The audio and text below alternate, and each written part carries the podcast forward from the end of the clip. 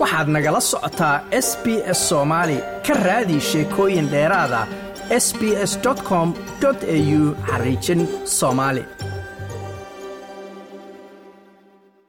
dhowaan magaalada melbourne waxaa lagu qabtay xafladdii saddex iyo tobnaad ee qalinjebinta ururka safa. Liban yuusufna waa madaxa ururkaasi.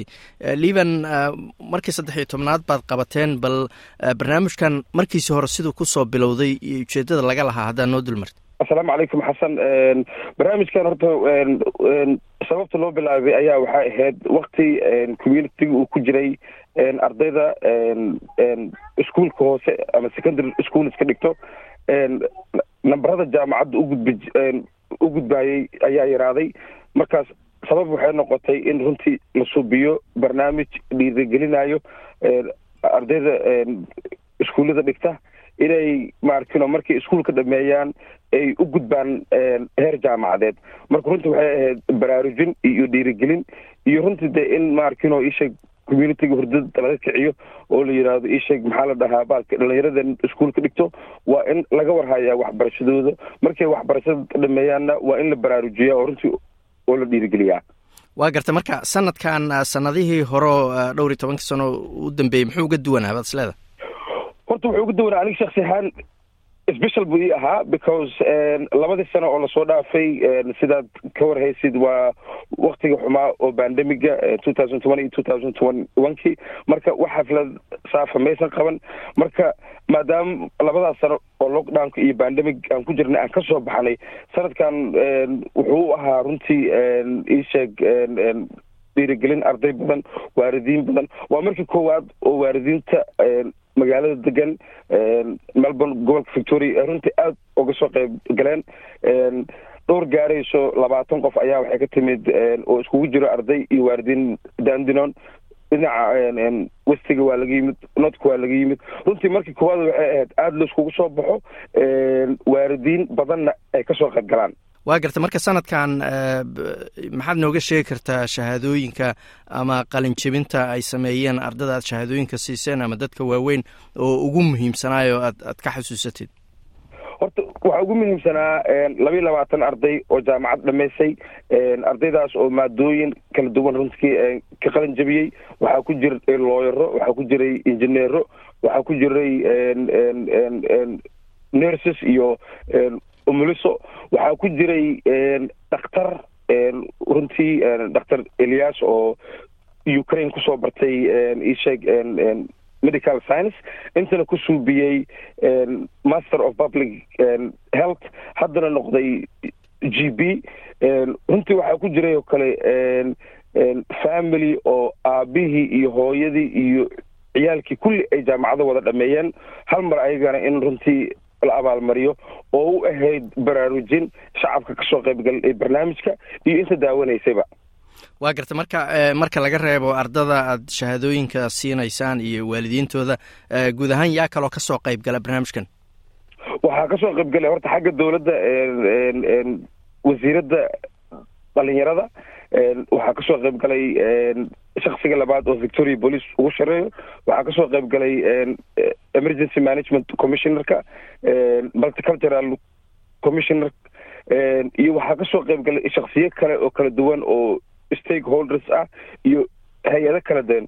Also waxaa ka soo qayb galay gabar luul ibrahim la yiraahdo oo runtii shaksiga magaalada bet ee gobolka western australia shaqo badan ka hayso community leader ah ayadana runtii waxay u noqotay fursad inay nagala soo qayb gasho. Marka waanu isku dayeynaa insha allah sanadba sanadka ka dambeeyo inaan barnaamijka faafino oo weyneysino aanan infaadgareyno in ay nagala soo qayb galaan shaksiyada kala duwan oo gobollada ama magaalooyinka kala duwan australia oo shacabka u adeega inay nagala soo qayb galaan.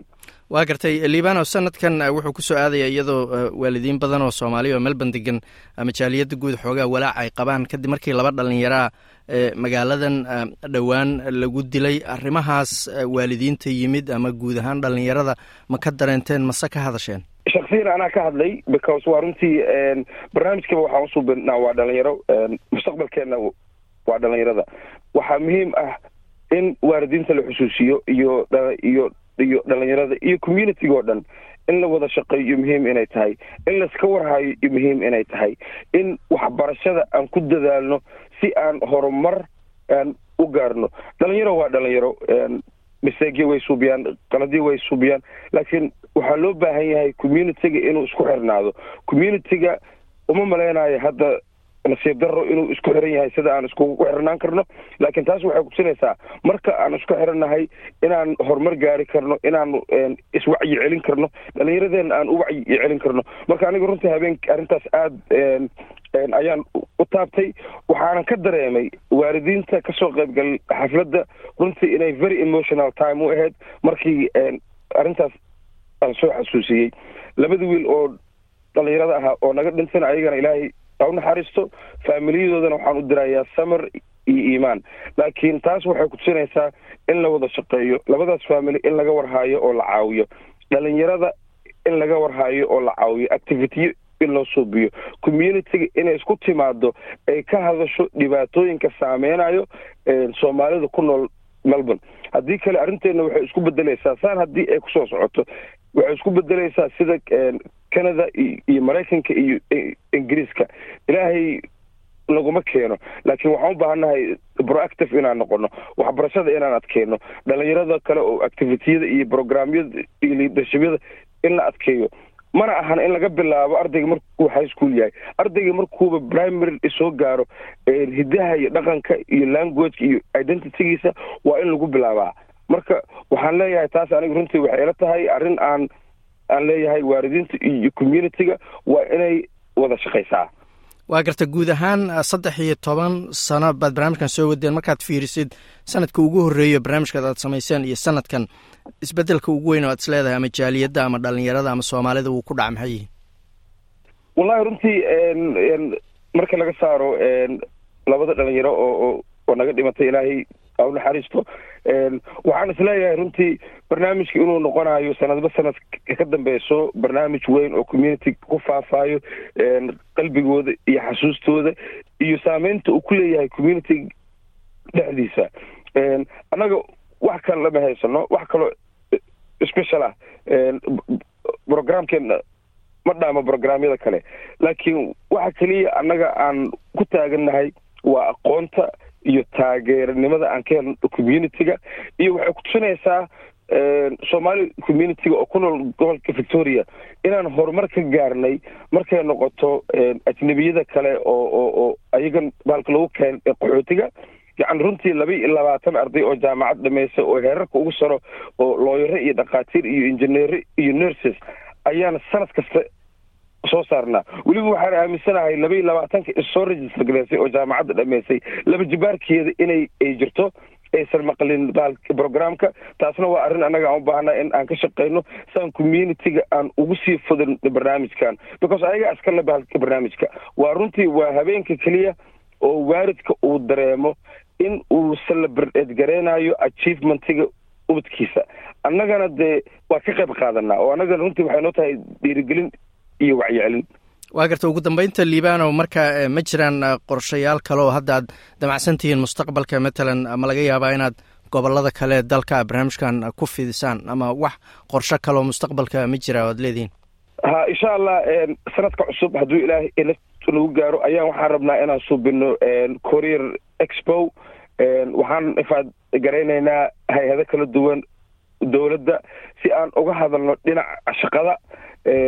Barnaamij waxaa jiro oo internship ah oo partnership aan la yeelanay organisation kale oo dhalinyaro soomaali iska leeyihiin oo la yidhahdo youth activating youth.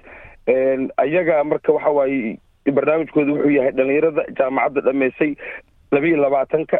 Intii ay shaqo geyn karaan inay shaqo geeyaan. Marka barnaamijka kale aan soo wadno sanadka cusub wuxuu wuxuu saameynayaa ama uu tusaale u yahay shaqooyin. Because ardayda hadday jaamacad dhameyso shaqo haddaysan haysan waxaa ku dhici muraar dilaac waxaa ku dhici karo inay inay dareensan yihiin wadanka inaysan ka mid ahayn. Marka runtii waxaan rabnaa inaan ayagana aan dhiirigelino aan baraarujino oo gacan u fidino sidii aan iskugu dayeyno dhalinyaradeen jaamacadaha dhameysay iyo kuwa isha ka qalin jabiyo teefka ama farsamada gacanta ayagana inaan subino shaqa in helaan ama opportunity oo training ah. Kaasina wuxuu ahaa liibaan yuusuf oo madax u ah ururka saafa oo dhowaan magaalada melbourne ku qabtay xafladii qalinjibinta ee saddex iyo tobnaad. Liibaan waa mahadsanta jasakum allahu khayr. Ma doonaysaa sheekooyinkan oo kale? Ka dhegayso apple podcast google podcast spotify ama meel kasta oo aad bodkastigaaga ka hesho